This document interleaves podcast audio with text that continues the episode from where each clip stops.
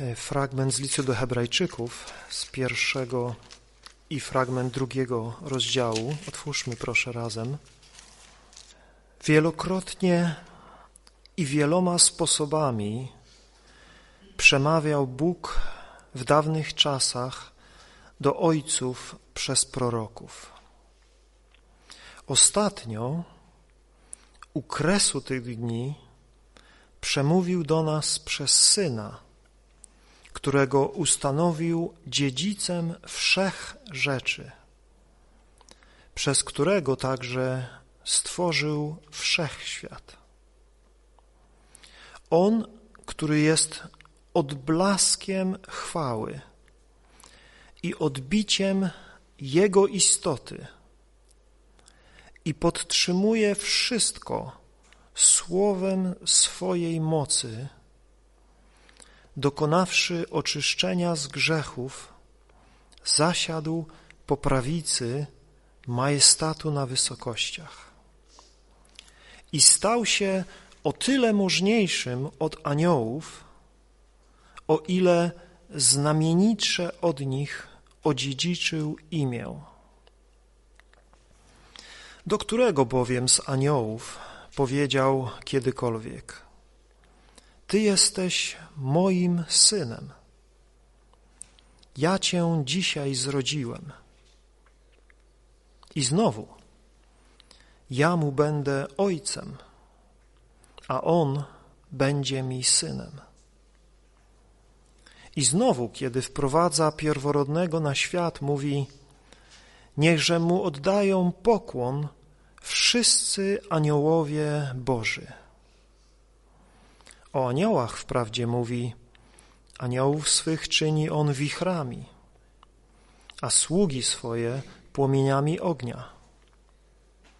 Lecz do syna tron Twój, o Boże, na wieki wieków berłem sprawiedliwym, berło Twego królestwa. Umiłowałeś sprawiedliwość, a znienawidziłeś nieprawość. Dlatego namaścił Cię, o Boże, Twój Bóg olejkiem wesela, jak żadnego z Twoich towarzyszy. Oraz Tyś, Panie, na początku ugruntował ziemię, a niebiosa są dziełem Twoich rąk. One przeminą, a Ty zostajesz. I wszystkie jako szata się zestarzeją, i jako płaszcz je zwiniesz, jako odzienie, i zostaną przemienione. Ale Ty jesteś zawsze ten sam i nie skończą się Twoje lata.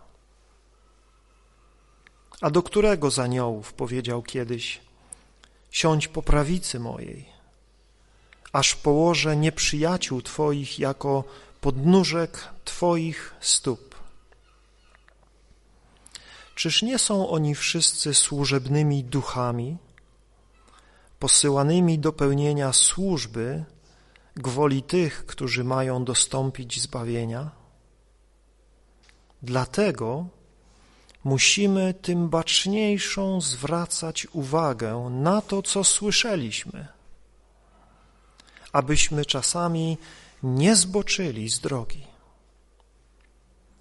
Bo jeśli słowo wypowiedziane przez aniołów było nienaruszalne, a wszelkie przestępstwo i nieposłuszeństwo spotkało się ze słuszną odpłatą, to jakże my ujdziemy cało, jeżeli zlekceważymy tak wielkie zbawienie? Najpierw było ono zwiastowane przez Pana, potem potwierdzone nam przez tych, którzy słyszeli a Bóg poręczył je również znakami i cudami i różnorodnymi, niezwykłymi czynami oraz darami Ducha Świętego według swojej woli. Bo nie aniołom poddał świat, który ma przyjść, o którym mówimy. Stwierdził to zaś ktoś, kiedy gdzieś powiedział, czymże jest człowiek, że pamiętasz o nim? Albo syn człowieczy, że dbasz o niego. Uczyniłeś go na krótko nieco mniejszym od aniołów. Chwałą i dostojeństwem ukoronowałeś go. Wszystko poddałeś pod jego stopy. A poddawszy mu wszystko, nie pozostawił niczego, co by mu poddane nie było. Teraz jednak nie widzimy jeszcze, że mu wszystko jest poddane. Widzimy raczej tego, który na krótko uczyniony został mniejszym od aniołów. Jezusa, ukoronowanego chwałą i dostojeństwem za cierpienia śmierci, aby z łaski Bożej zakosztował śmierci za każdego. Cały ten list do Hebrajczyków poświęcony jest wyjaśnieniu, dlaczego Bóg musiał stać się człowiekiem. Cały ten list pokazuje nam konieczność przyjścia Boga w ludzkim ciele, aby zapłacić za grzech całego świata. Autor tego listu rozpoczyna stwierdzeniem, że Jezus Chrystus jest Bogiem Wszechmogącym, który stworzył niebo i ziemię, który jest zawsze ten sam, niezmienny. Jednocześnie pokazując nam, że aby nas zbawić, aby nas ratować, ten wszechmogący Bóg stał się człowiekiem, takim jak my.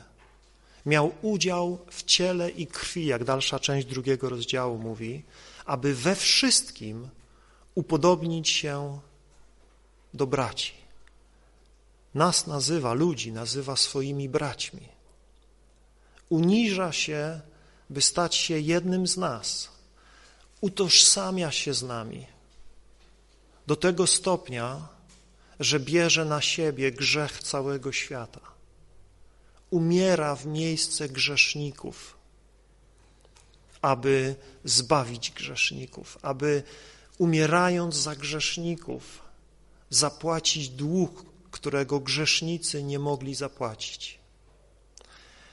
Autor tego listu pokazuje nam Jezusa Chrystusa, który jest daleko, daleko wyższy od aniołów. Zobaczcie, mówi tutaj w pierwszym rozdziale o aniołach i mówi, pokażcie mi takiego anioła, do którego Bóg kiedykolwiek powiedział coś takiego, jakie, co mówi do swojego Syna.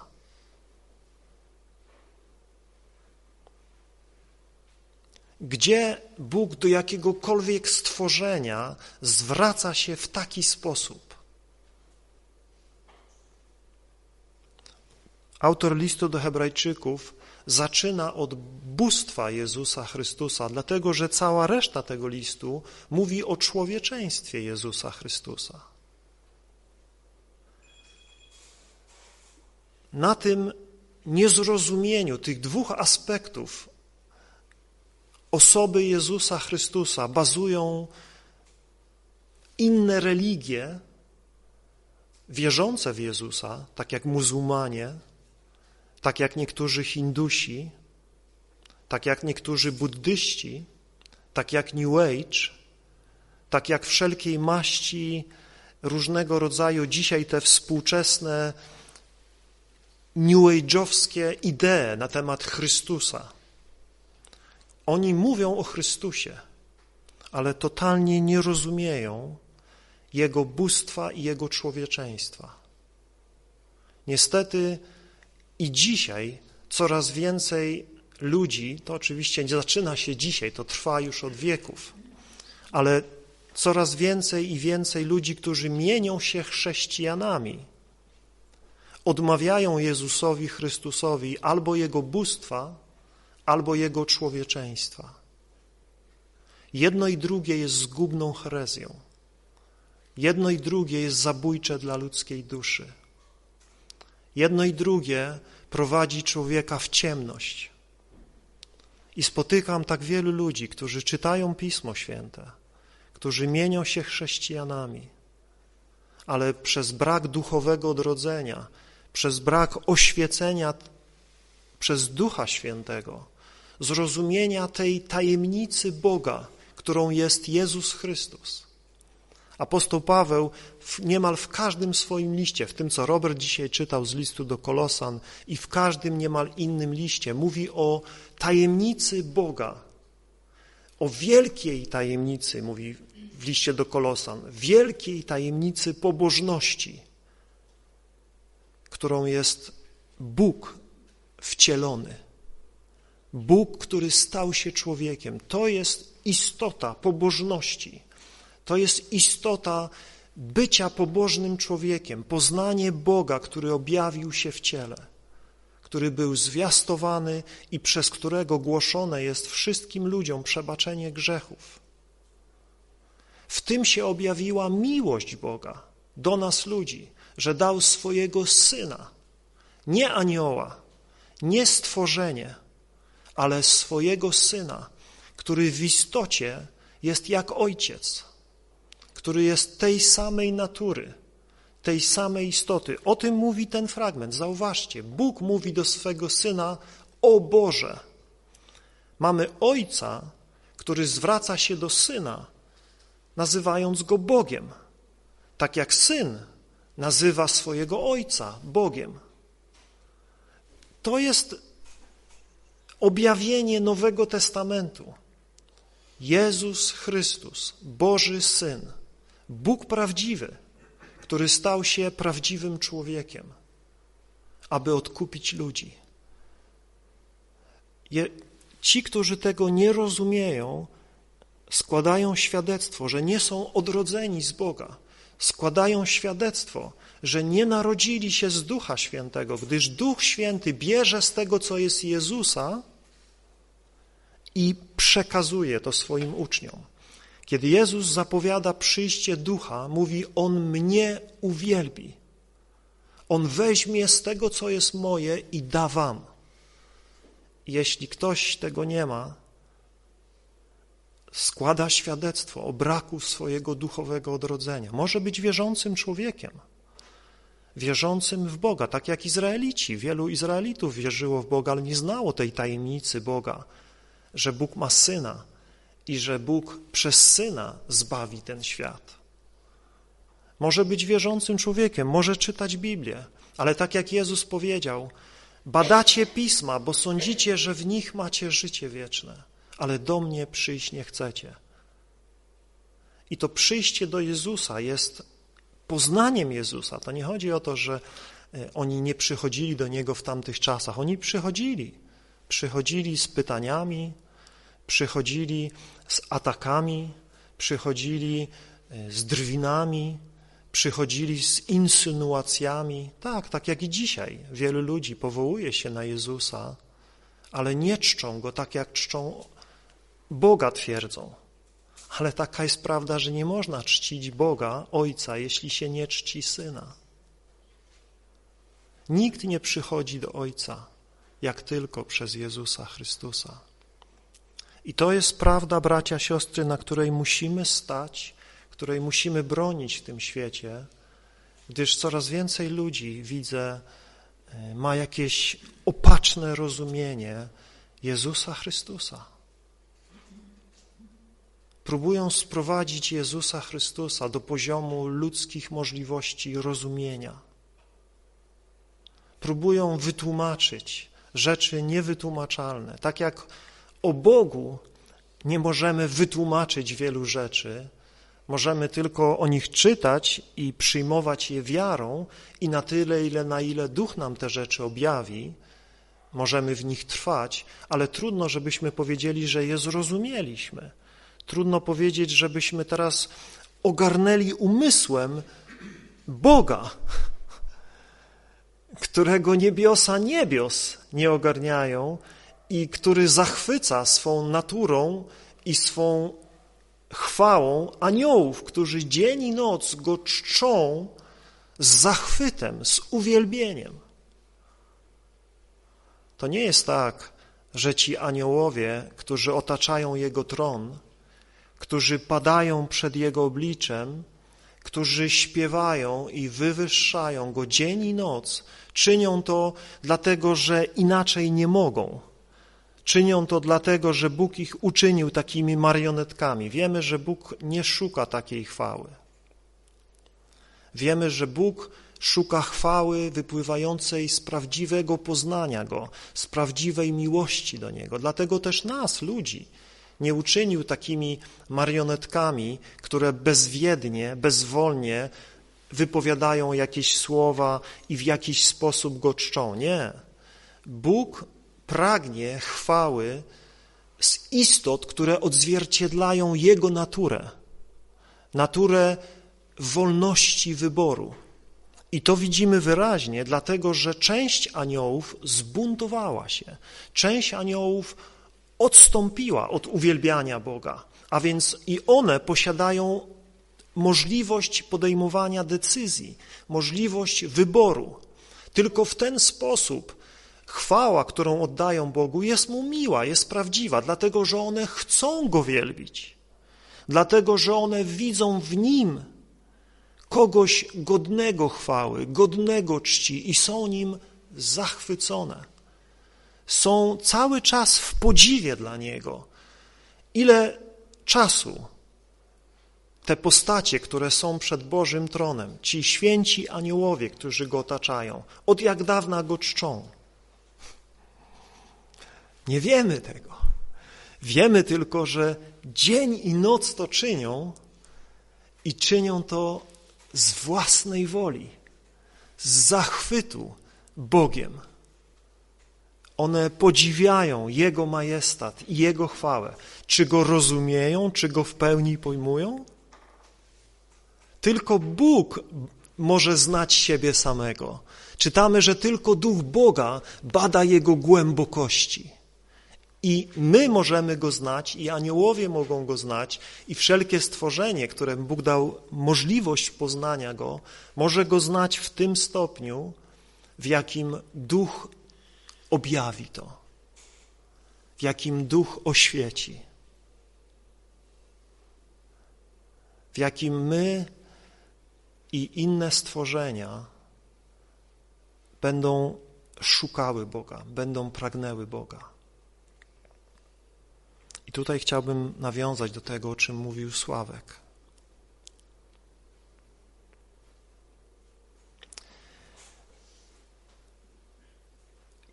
Czytając Pismo Święte, widzimy nieustanne wezwanie do upadłego człowieka, by pokutował, by nawracał się podkreślam, do upadłego człowieka. Kiedy Adam i Ewa żyli w raju przed upadkiem, ich społeczność z Bogiem była niezachwiana. Nie potrzebowali pokutować, nie potrzebowali zmieniać swojego myślenia i postępowania. Ale gdy sprzeciwili się Bogu, kiedy zanegowali Bożą drogę, a usłuchali głosu zwodziciela, usłuchali głosu szatana, ich natura została skażona. Ich myślenie o Bogu zostało zdeformowane. Już w szóstym rozdziale pierwszej księgi Mojżeszowej, a więc tylko trzy rozdziały po upadku człowieka czytamy, że ludzkie serca były ustawicznie złe. Wszelkie myśli i dążenia ludzkiego serca ustawicznie złe. Widzimy też, że wyobrażenie Boga zaczęło ulegać deformacji w myśleniu ludzi. I bardzo wcześnie ludzie zaczęli czcić słońce, które jest źródłem ciepła, energii, życia na ziemi. Zaczęli czcić księżyc, zaczęli czcić ciała niebieskie, gwiazdy, konstelacje. Ludzie zaczęli tworzyć jakieś bóstwa. A nawet jeśli wierzyli w Boga, który jest duchem, który jest niewidzialny, ich wyobrażenia na temat Boga były coraz bardziej nikczemne. Jak pisze apostoł Paweł w liście do Rzymian, ich myśli pogrążyły się w ciemności i zamienili Boga prawdziwego na obraz rzeczy stworzonych i czcili stworzenie zamiast Stwórcę. I dzisiaj niestety ta sama nikczemność powoduje, że ludzie, jeśli nawet czczą Jezusa, to czczą Go jako stworzenie, a nie jako Stwórcę. Nie widzą w Nim, tak jak tutaj autor listu do hebrajczyków pisze, doskonałe odzbicie i istotę Boga, chwały Boga. Nie widzą w Nim Pana chwały, o którym śpiewaliśmy, ale widzą w Nim kogoś pośredniego, kogoś mniejszego, kogoś, kto owszem jest godzien jakiejś chwały, ale nie wszelkiej chwały. Kogoś, kto owszem jest Panem, ale nie takim Panem, jakim jest sam Bóg. To wynika z ludzkiej, z, z nikczemności ludzkiego serca, które deformuje obraz Boga, które sprzeciwia się Ewangelii, która mówi nam o chwale Jezusa Chrystusa, Bożego Syna. On jest ostatecznym Bożym Słowem, przez które Bóg przemawia do ludzkości. Zobaczcie na pierwszy wiersz. Bóg wielokrotnie y, przeróżne rzeczy przemawiał. Przemawiał przez cuda, przemawiał przez proroków, przemawiał przez różne swoje działanie, ale mówi, teraz przemówił przez Syna. I to jest ostateczne Boże Słowo do ludzkości. Bóg, który przemawia przez swojego Syna, który jest dziedzicem wszystkich rzeczy, przez którego świat został stworzony. Autor listu do Hebrajczyków wierzył, że Jezus jest Bogiem, bo Bóg uczynił wszystkie rzeczy. Bóg stworzył niebo i ziemię. Na samym początku o tym czytamy. Na początku Bóg stworzył niebo i ziemię. Autor tego listu wyraźnie w pierwszym rozdziale kilkakrotnie podkreśla, że Jezus jest stwórcą wszystkich rzeczy i nie tylko stwórcą, ale tym, który mocą swego słowa wszystko zachowuje w istnieniu. Anioł? Stworzenie? które mocą swego słowa podtrzymuje w istnieniu cały wszechświat, który, jak wiecie, jest w wielkim ruchu, który, e, którego porządku nie jesteśmy w stanie ogarnąć, zarówno na tym poziomie kosmosu, jak i na poziomie mikroskopijnych cząsteczek, które nieustannie drgają, krążą. On jest tym, który mocą swego słowa to wszystko podtrzymuje w istnieniu, że nie ma kolizji tych atomów, że nie ma kolizji tych planet, tych gwiazd, tych ciał niebieskich, które poruszają się z ogromną prędkością po wszechświecie. On jest tym, który mocą swego słowa to wszystko utrzymuje w istnieniu, który to wszystko powołał do życia i który to wszystko stworzył. I ten Boży Syn który jest doskonałym odbiciem istoty Boga, co oznacza, że jest tej samej natury, co oznacza, że jest taki sam, niczym się nie różni od Niego. Stał się człowiekiem.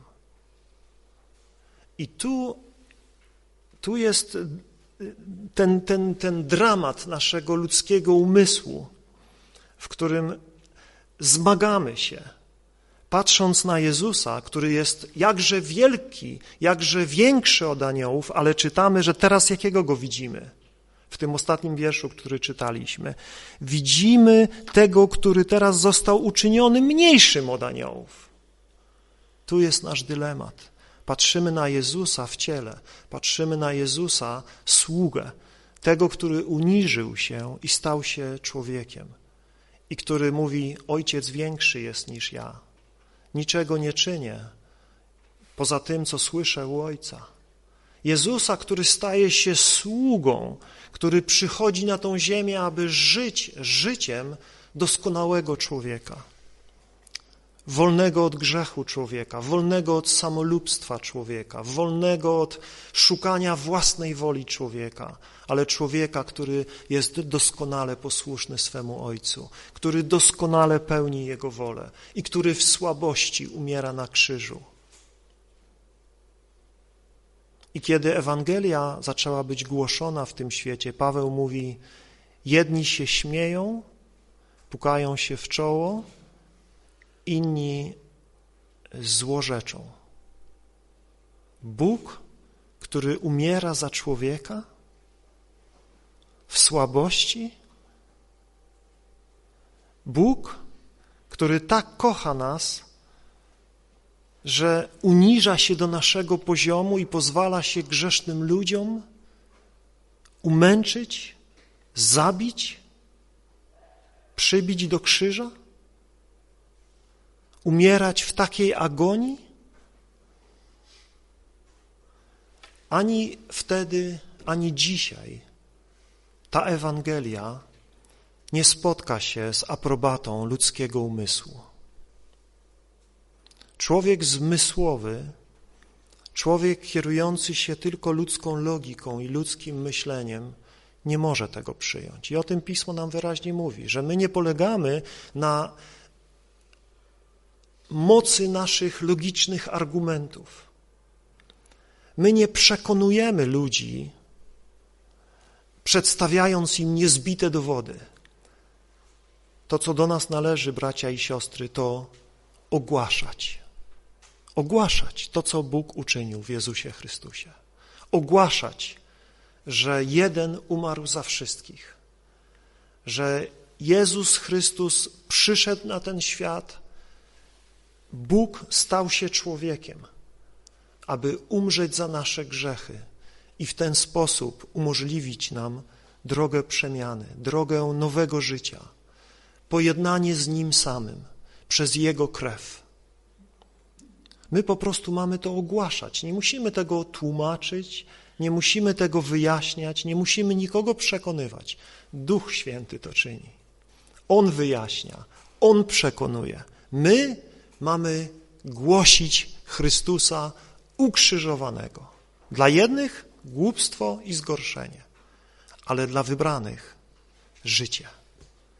Bracia i siostry, nie ustawajmy w tym dziele. Nie ustawajmy w tym dziele głoszenia Ewangelii, dobrej nowiny, że jest zbawienie w Jezusie Chrystusie. Nie ustawajmy. Nie, nie zniechęcajmy się tym, że jedni drwią, inni kiwają głową i twierdzą, że to jest niepojęte. Jeszcze inni zadowalają się swoją pustą religijnością i swoim wyobrażeniem Boga, który nikogo nie sądzi, który e, wszystkich kocha bez względu na to, jak żyją, jak postępują i wszystkich w końcu zabierze do swojego nieba, że wszyscy po śmierci widzą światłość w tunelu i wszyscy do tego dobrego miejsca tam idą, nawet psy którzy mówią, że wszystkie psy idą do nieba. Więc e, ludzie mają różne swoje pokręcone koncepcje e, Boga, stanu człowieka, wieczności.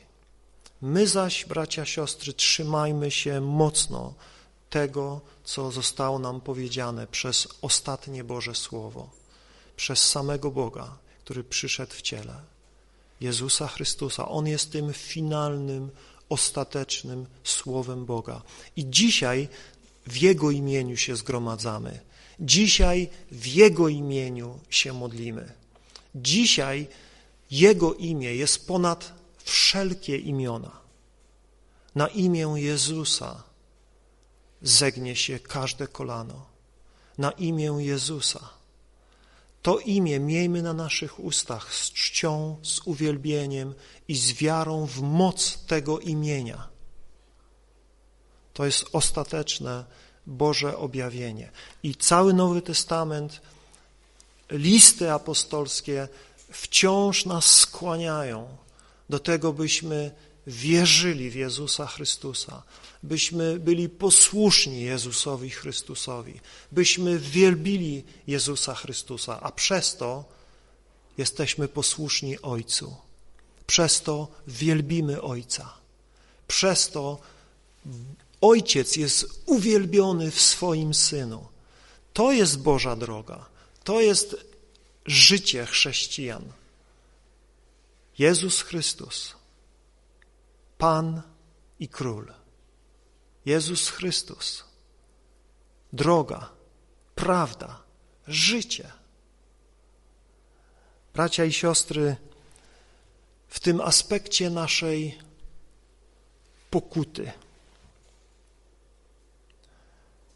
widzimy, że gdy przychodzi Jan Chrzciciel, który zapowiada przyjście Boga do swojego ludu, powołuje się na proroctwa Izajasza, który mówi o przyjściu Jahwe, Boga Izraela, do swojego ludu.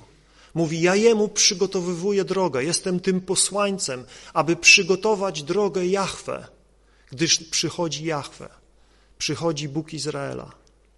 I Jan wzywa ludzi do pokuty, wzywa ludzi do opamiętania, a więc z pewnością jest ten aspekt naszej woli w pokucie.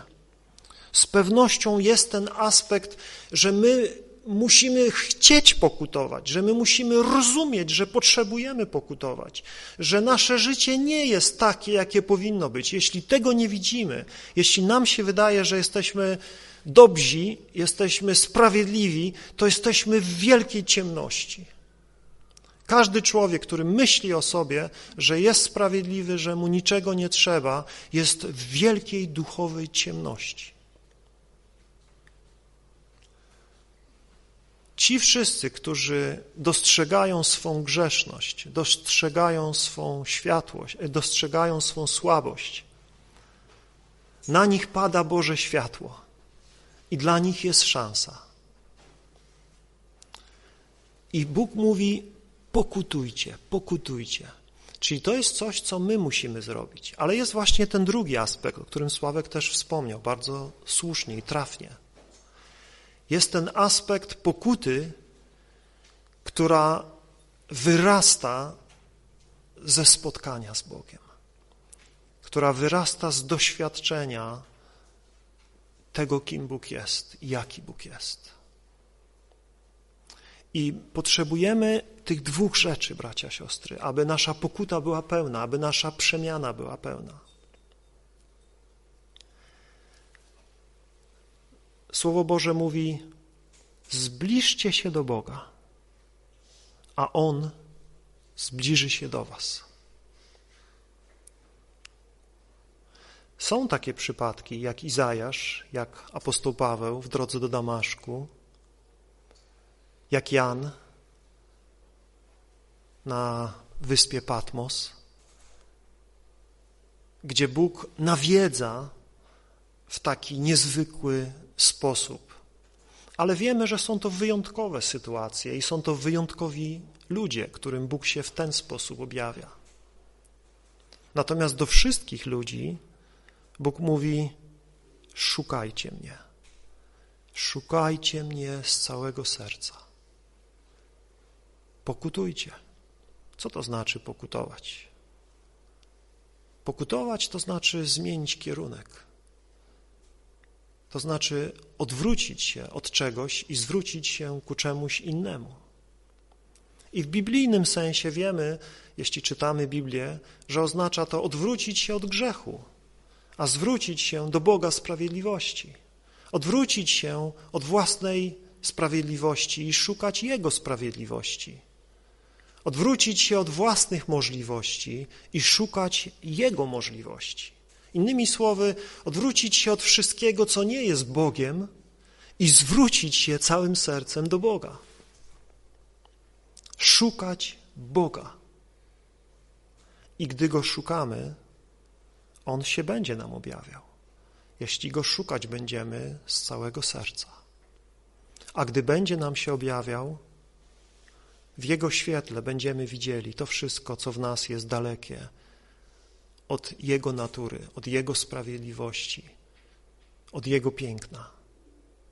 I z tego wszystkiego, jak Izajasz, będziemy pokutować. Będziemy szukać Jego przemiany, będziemy szukać Jego łaski, by skutecznie w nas działała, by nasze serca czyniła podobnymi do serca naszego Pana Jezusa Chrystusa. I to jest możliwe tak naprawdę tylko dzięki temu, co Jezus uczynił, dzięki temu, z czego Jezus dokonał na Golgocie w swoim zmartwychwstaniu i posłaniu nam swego ducha. To nie jest nasze dzieło, to jest Jego dzieło. Czytamy, że my Jego dziełem jesteśmy, stworzeni w Jezusie Chrystusie do dobrych uczynków, do których przeznaczył nas Bóg, abyśmy w nich chodzili. To jest Jego dzieło. My jesteśmy Jego dziełem, co nie oznacza, że jesteśmy w tym bierni, co nie oznacza, że czekamy na ten dzień, kiedy Bóg, tak jak Pawłowi, stanie nam na drodze, że jak Izajaszowi objawi się w swej chwale. Nie. Izajasz go szukał. Paweł też go szukał, chociaż opacznie go pojmował, to był gorliwym człowiekiem, który chciał się podobać Bogu, chociaż nie znając Go, nie znając Jezusa Chrystusa, prześladował Kościół Boży, ale był gorliwy w szukaniu Boga, tak jak Go rozumiał. I Bóg Jego właśnie wybrał sobie na wielkiego apostoła. Jan na, na wyspie Patmos był człowiekiem, który życie oddał Jezusowi i tam był na wyspie Patmos, cierpiąc z powodu Ewangelii Jezusa Chrystusa, którą głosił. Więc w takim stanie mu się objawił. Więc pamiętajmy o tym, że to objawienie Boże nie przyszło do ludzi biernych, nie przyszło do ludzi nie robiących nic. Izajasz służył w Bożej świątyni w trudnych czasach, kiedy umarł król Uzjasz, kiedy wszystko, co do tej pory było sprawiedliwością, się waliło i przyszedł nowy władca, nikczemny człowiek. W takim czasie Bóg mu się objawił w swej świątyni, gdy Izajasz go szukał. Więc do tego, bracia, siostry, musimy się zachęcać, by szukać Boga, szukać Boga. I gdy nam coś objawia, gdy nas oświeca, nie zostawić tego ale powiedzieć, Boże, ratuj mnie. Jestem człowiekiem nieczystych warg. Jestem człowiekiem nieczystych myśli. Jestem człowiekiem nieczystych pragnień. Jestem człowiekiem pysznym, wyniosłym, kłamię, oszukuję, zawodzę. Cokolwiek Bóg objawia nam w naszym życiu, Musimy z tego pokutować. Musimy to wyznać, nazwać to po imieniu, co to jest.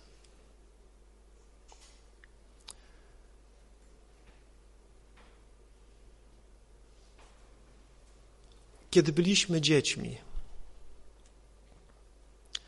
zdarzało nam się, zakładam, że wszystkim nam się zdarzało, pokłócić z kolegą, z koleżanką, pociągnąć za włosy, zabrać zabawkę, uderzyć, ugryźć. Różne rzeczy robiliśmy. I wtedy ktoś nas przyłapał, albo się wydało. I co wtedy? I ci przeproś. I ci przeproś. I co robiliśmy? Szliśmy i mówiliśmy, przepraszam. Albo może przepraszam i uważaliśmy, że sprawa jest zamknięta. A niektórzy może z nas byli tacy hardzi, że nawet nie chcieli przeprosić. W tamtych czasach, kiedy byliśmy dziećmi, wielu z nas, troszkę inaczej się te rzeczy rozwiązywało niż dzisiaj. Wtedy był jeden klaps albo kij i drugi, trzeci, aż w końcu nas złamało i przepraszam. W końcu żeśmy to z siebie wydosili. I tak dorastamy, stajemy się dorośli.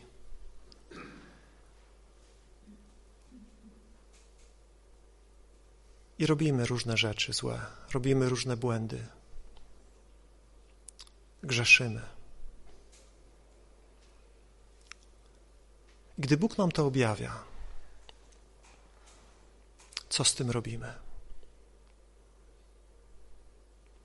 Czy wydusimy z siebie przepraszam i uważamy, że wszystko jest załatwione?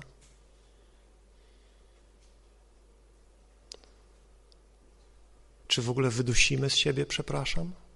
Czy wydusimy z siebie zgrzeszyłem? Y, wiem, że mówiąc to niektórzy z was myślą, o czym on w ogóle mówi? Przecież to oczywiste. Do, okazuje się, że nie jest takie oczywiste. Okazuje się, że wielu ludzi, którzy mienią się wierzącymi, nie potrafią przyznać się do swojego grzechu. Nie potrafią powiedzieć, że zgrzeszyli, że źle coś zrobili, że się unieśli, że dali się ponieść swoim nerwom, że wypowiedzieli złe słowa, że skłamali, że się bali i postąpili nie tak, jak wiedzieli, że powinni byli postąpić.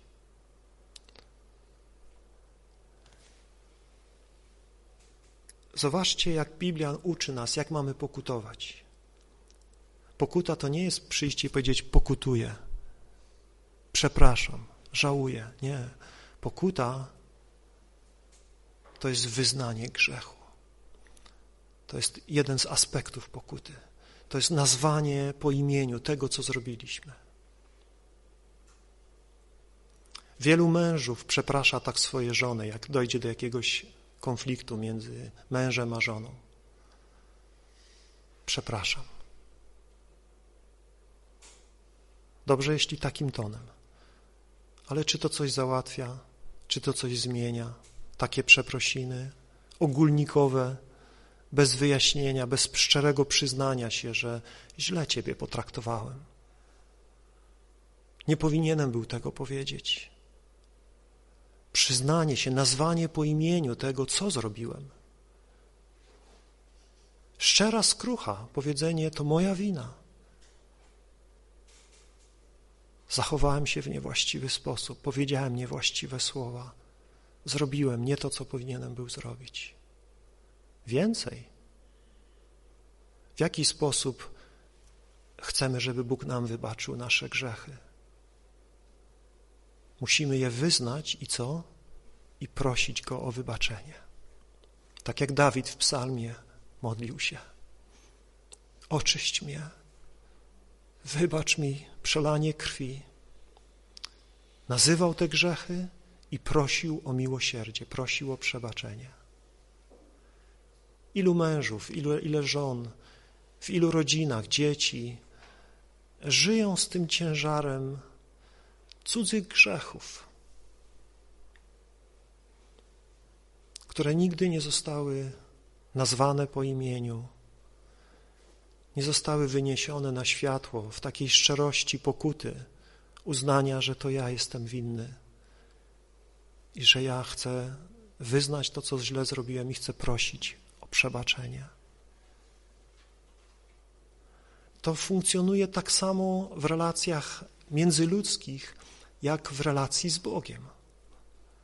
Te same mechanizmy, te same rzeczy. Kiedy Pan Jezus mówi, że gdy przychodzisz, aby złożyć swój dar na ołtarzu, a masz coś przeciwko swojemu bratu, albo twój brat ma coś przeciwko tobie, to co? Idź i pojednaj się z bratem. Co to znaczy idź i pojednaj się z bratem? Idź i przyznaj się, co źle zrobiłeś. Napraw to, załatw to, wyjaśnij to. I wtedy Pan Jezus mówi, przyjdź i złóż swój dar na ołtarzu. W innym, jeżeli, jeżeli tego nie ma, jeżeli to nie jest załatwione w relacji z mężem, z żoną, z bratem, z siostrą, z sąsiadem, z innymi ludźmi, możemy sobie przepraszać Boga, możemy sobie y, mówić, że pokutujemy, ale to nie jest pokuta. To nie jest pokuta. Więc tutaj, mówiąc o pokucie, pamiętajmy o tych dwóch aspektach pokuty. Są rzeczy, które zgrzeszyliśmy tylko przeciwko Bogu. I wtedy nie ma co chodzić do ludzi i mówić o tym, że zgrzeszyliśmy. Wtedy po prostu przyjdźmy z tym do Boga, wyznajmy to Bogu i zostawmy to tam. Ale jeśli zgrzeszyliśmy przeciwko drugiemu człowiekowi, to nie wystarczy to wyznać Bogu. Nasza pokuta musi być pokutą również w tym aspekcie wyznania naszego grzechu wobec drugiego człowieka i proszenia tego drugiego człowieka o przebaczenie nam tego, co zrobiliśmy. I jako chrześcijanie, jako ci, którzy przyjęli Boże przebaczenie, dobrze wiemy, że ciąży na nas obowiązek przebaczenia każdemu, kto nas prosi o przebaczenie. Więc jeszcze na koniec tylko o tym aspekcie przebaczenia, które my jesteśmy winni innym. Pismo Święte mówi, że tak jak Bóg przebaczył wam w Chrystusie, tak wy przebaczajcie sobie jedni drugim. Nie trzymajmy w sercu nieprzebaczenia. Nieprzebaczenie jest trucizną, którą pijemy i myślimy, że inni padną trupem od tego. Ale to my padniemy trupem. Jeśli mamy w sercach gorycz i nieprzebaczenie.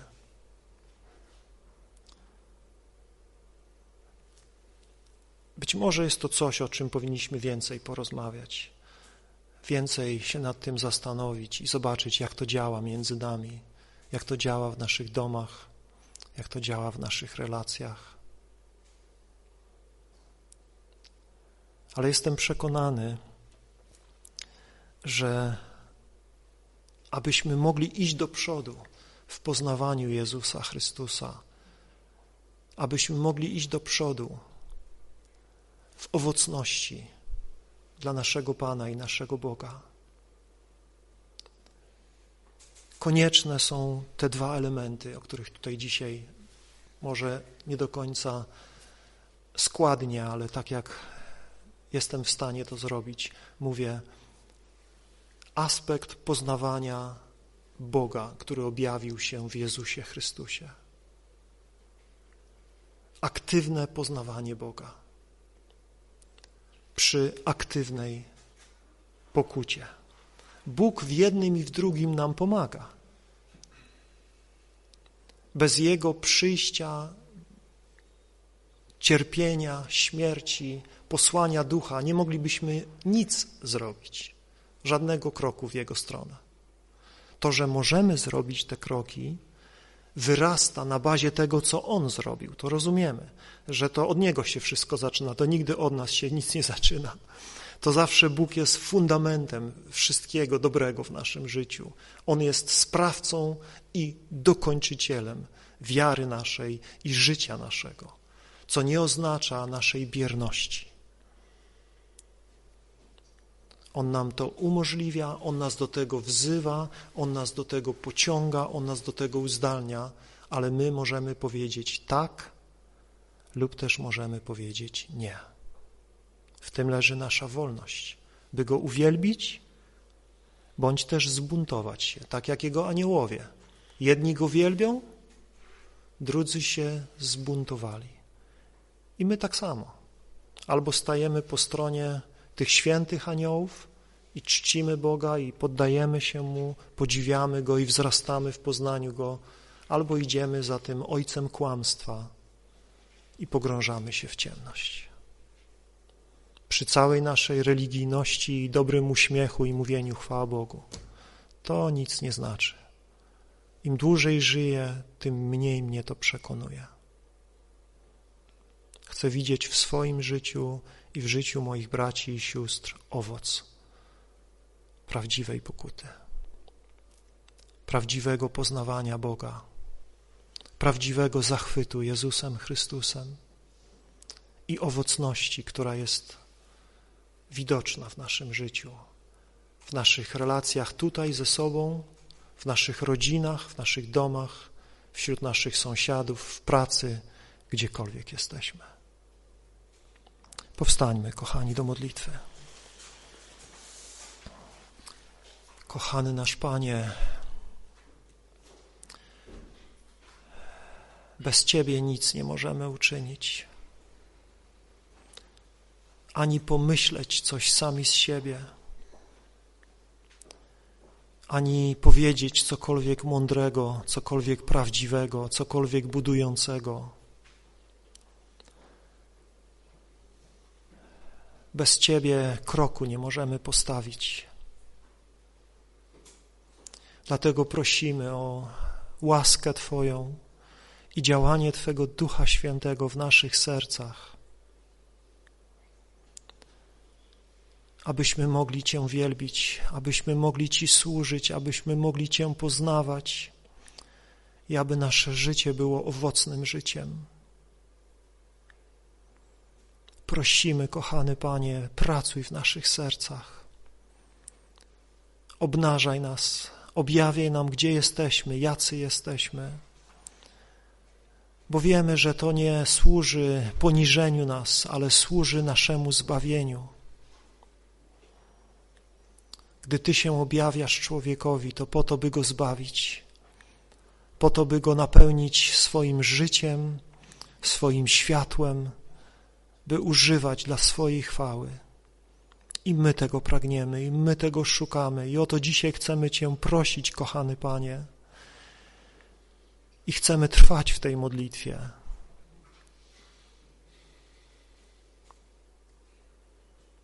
Byś zmieniał nas, byś oczyszczał nas, byś poddawał nas próbom ognia. Gdy ten ogień doświadczeń nas pali, i wychodzą z nas różne nieczystości.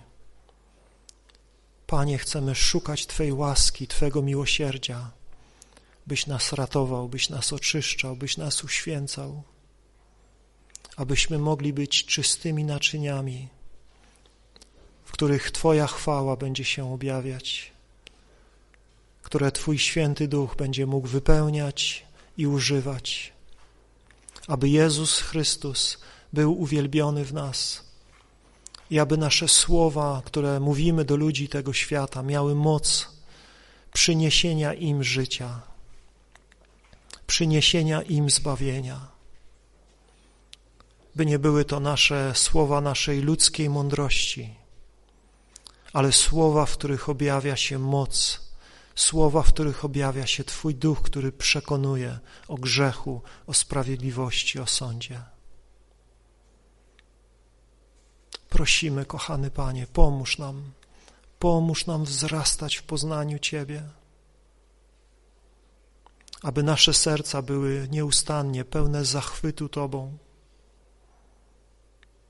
żebyśmy nie śpiewali naszych pieśni z przyzwyczajenia i nie klepali naszych modlitw, ale prawdziwie modlili się do Ciebie, prawdziwie rozmawiali z Tobą, prawdziwie rozkoszowali się Twą obecnością, zachwycali się Tobą i aby z obfitości naszych serc mówiły nasze usta. Prosimy, kochany Panie, kontynuuj w każdym z naszych serc Twoje dzieło. Kontynuuj w nas Twoje dobre dzieło, kochany Zbawicielu. Amen.